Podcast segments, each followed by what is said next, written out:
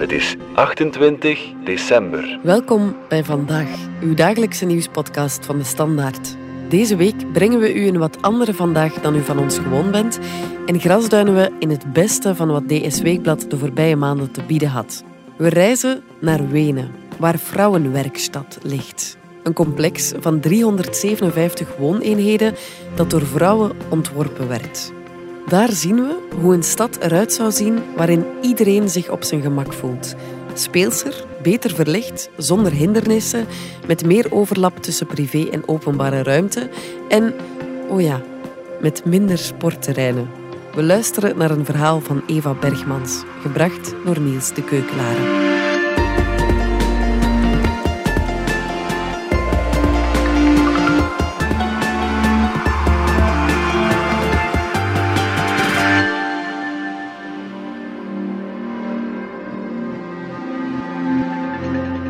Hoe zou een stad eruit zien wanneer iedereen zich op zijn gemak voelt? Speelser, beter verlicht, met meer overlap tussen privé en openbare ruimte en met minder sportterreinen. Hier kun je op één plein zien hoe de stad kan uitsluiten en verbinden, zegt Apolline Franke, architecte en onderzoekster aan de ULB, de Université Libre de Bruxelles. Het plein tussen de Brusselse Dansaardstraat en de Yvonne Jospa-straat valt uiteen in twee delen. Aan de ene kant is er een grote sportkooi met een voetbal- en basketbalveld en een paar fitnesstoestellen. Er zijn een paar jongens aan het sporten. Het is een beeld dat zo vertrouwd is dat je er amper bij stilstaat. Franke plaatst er graag een paar vraagtekens bij. Niet bij de sportende jongens op zich, wel bij de ruimte die ze innemen in de stad. Ze zegt: Op dat sportveld zie je alleen jongens en jonge mannen. Impliciet worden vrouwen, gezinnen, ouderen en mensen met een beperking uitgesloten. Op het andere, kleinere deel van het plein voelt wel iedereen zich thuis. Golvende banken en een beetje groen trekken vrouwen en mannen van alle leeftijden, gezinnen komen er spelen, mensen passeren met fietsen en buggies. Het is een plek die uitnodigt, door hoe ze ontworpen is en door de vrijheid die ze biedt. Bij een voetbalveld schrijven de stadsplanner en de ontwerper voor hoe de ruimte gebruikt moet worden waarmee je meteen een hoop mensen uitsluit. Op het andere deel van het plein kan gevoetbald worden, maar je kunt er net zo goed rusten, praten, met krijttekenen, tikkertjes spelen, dansen of picknicken. Het is een plek waar mensen kunnen onderhandelen over hoe de ruimte gebruikt wordt. Een stad heeft veel meer van die onderhandelingsplekken nodig, zodat iedereen de kans heeft om een deel van de ruimte in te nemen. Van het plein aan de Jospa-straat, een van de 6% straten die naar vrouwen genoemd zijn, zegt Franke, wandelen we naar de nieuwe graanmarkt, een paar honderd meter verder. Hier is het plein zo goed als volledig ingenomen door een sportveld. De rest is parking. Het is er eentje zonder kooi, zodat het iets minder afschrikt. Er loopt al eens een meisje over het veld en op de banken rondom hangen ook een paar meisjes. Ze zegt dat is een fenomeen dat je al op de speelplaats ziet. In het midden van de speelplaats voetballen de jongens, rondom houden de meisjes en de niet-voetballers zich op. Vanaf de lagere school krijg je zo als meisje het idee mee dat je niet in het centrum van de ruimte thuis hoort, maar in de periferie.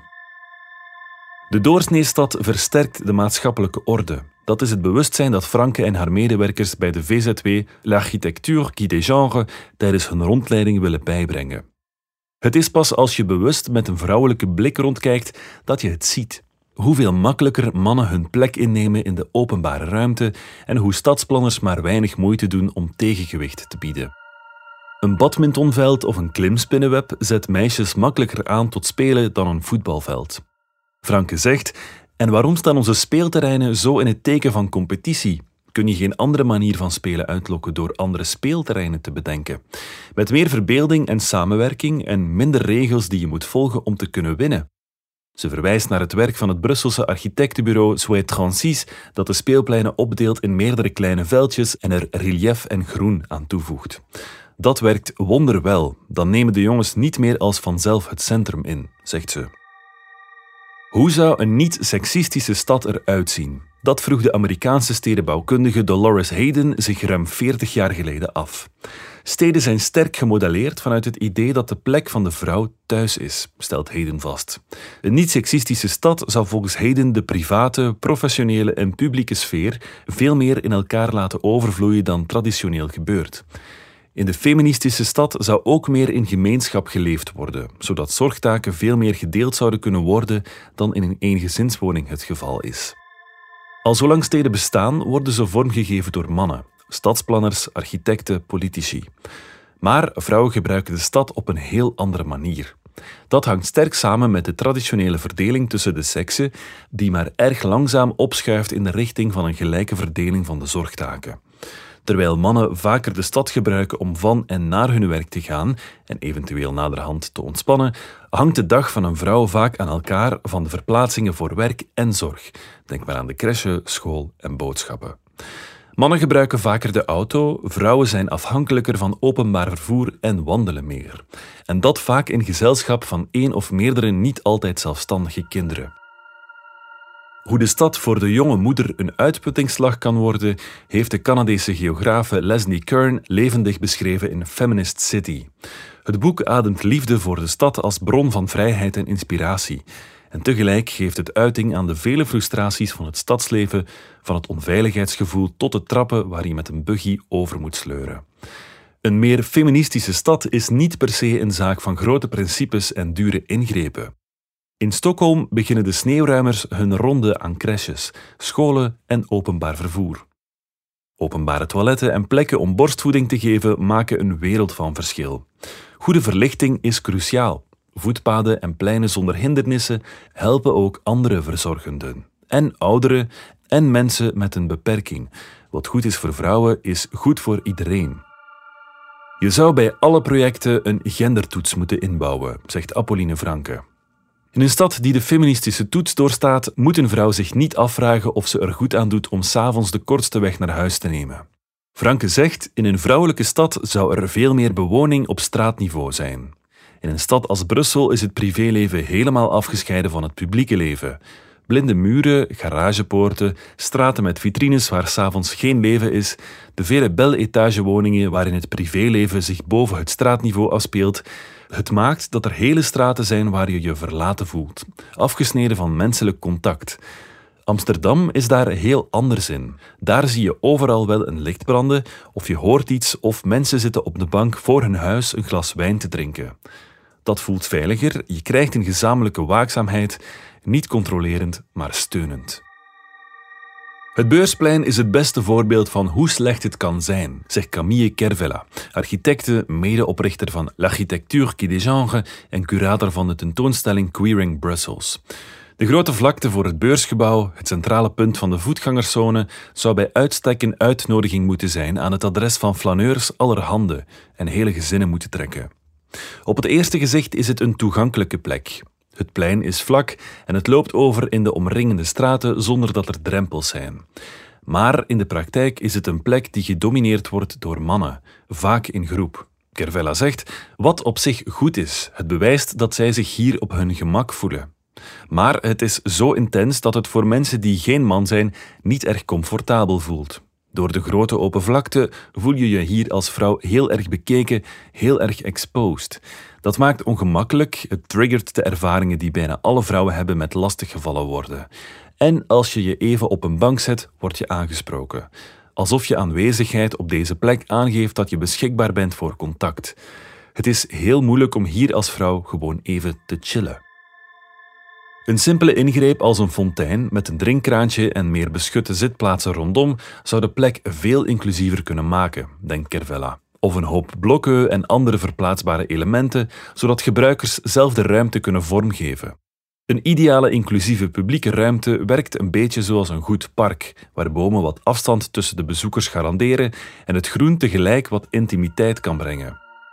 Ze zegt: Het beursplein zoals het nu is, is geen plek op mensenmaat. Het is een plek voor kapitalistische evenementen zoals winterpret. In een inclusieve stad zouden op de eerste plaats alle bewoners zich moeten thuis voelen. Dat is voor mij een vrouwelijke stad. Eentje die met zorg omgaat met haar bewoners, ongeacht geslacht, geaardheid, leeftijd, beperking. Daarvoor moet je praten met iedereen die de stad gebruikt. Kervella verwijst naar het werk dat Edith Marie-Jules doet, vooral in Franse scholen. Ze is een geografe met specialisatie in gender en vraagt kinderen hoe ze samen willen spelen. Nodigt hen uit om spelletjes te bedenken en wat ze daarvoor nodig hebben. Carvella zegt: Stel je voor dat je dat kunt doen in Brussel. vragen hoe bewoners samen zouden spelen op een plein. In de projecten van Mère Jules zie je hoe de kinderen onderling met veel liefde en zorg communiceren en hoe blij ze zijn met de resultaten. Ze dragen ook zorg voor de ruimtes die ze samen ontwerpen. Als je mensen bij de stad betrekt, gaan ze zich ook meer deel van de stad voelen. In Brussel lopen een paar proefprojecten waarin meisjes gehoord zullen worden. In Namen is een gebouw ontworpen met input van de feministische VZW Garance. Franke zegt, een heel mooi project, met een openbare bibliotheek en een restaurant dat laat open blijft. Er is erg nagedacht over verlichting ook en over hoe de parking uitkomt in de publieke ruimte. Wat ik nog mis zijn woningen in het project. Dat is de beste manier om mensen het gevoel te geven dat ze niet alleen zijn. Terwijl in België de inclusieve stedenbouwkunde nog in de kinderschoenen staat, is er één stad die al decennia lang rekening houdt met de genderdimensies in nieuwe projecten. In Wenen heeft stadsplanner Eva Keil een goede 30 jaar geleden de feministische blik op de stad ingevoerd, als eerste hoofd van het Vrouwenbureau. Een van haar grote projecten was Vrouwenwerkstatt, een complex van 357 wooneenheden dat door vrouwen ontworpen werd, onder meer te merken aan de parkeerplekken voor buggies en brede trappenhuizen, met gedeelde ruimte die uitnodigt tot contact. In de wijk Aspern, ook volledig afgestemd op de noden van gezinnen, zijn alle straten en pleinen naar vrouwen vernoemd. Op dat vlak heeft Brussel nog een hele weg te gaan, zegt Franke. De bijdrage van vrouwen uit de geschiedenis lijkt hier actief weggevaagd. Ze geeft het voorbeeld van het modernistische gebouw van MAD Brussels, waarvan tot voor kort niemand, zelfs niet het renoverende architectenteam, wist dat het van de hand van een vrouw is. Eliane Hevenit tekende het samen met Marcel Aneet, maar haar bijdrage kwam pas boven water toen een medewerker van het SIVA tijdens COVID de tijd vond om het archief Hevenit te ordenen. Hevenit is dit jaar een van de figuren op de affiches van de Matrimony Days, die de bijdrage van vrouwen aan de stad voor het voetlicht brengen. Franke zegt: Als je zoekt, vind je vrouwen genoeg die een rol gespeeld hebben in architectuur en stedenbouw. We hebben daar een sterke traditie in. De Begijnen waren de eerste vrouwelijke grondbezitters en een Begijnhof is een soort stad in de stad met een grote openheid. Anders dan de nonnen sloten de Begijnen zich niet af, ze werkten in de stad en hielden bijvoorbeeld scholen open. En in een Begijnenhof zie je hoe werk, huiselijkheid en publieke ruimte door elkaar lopen. Het is het beste voorbeeld van een feministische stad dat ik ken. Dit was een bijzondere aflevering van vandaag. Bedankt voor het luisteren. Volg ons op Spotify, Apple Podcasts of eender welk ander podcastplatform. In onze gratis app DS Podcast kan je niet alleen ons werk beluisteren, maar ook de beste podcasttips voor op vakantie of ergens onderweg, met zorg geselecteerd door onze redacteur Max de Moor. Alle credits van de podcast die je net hoorde vind je op standaard.be-podcast. Reageren kan via podcast.standaard.be. Morgen zijn we opnieuw.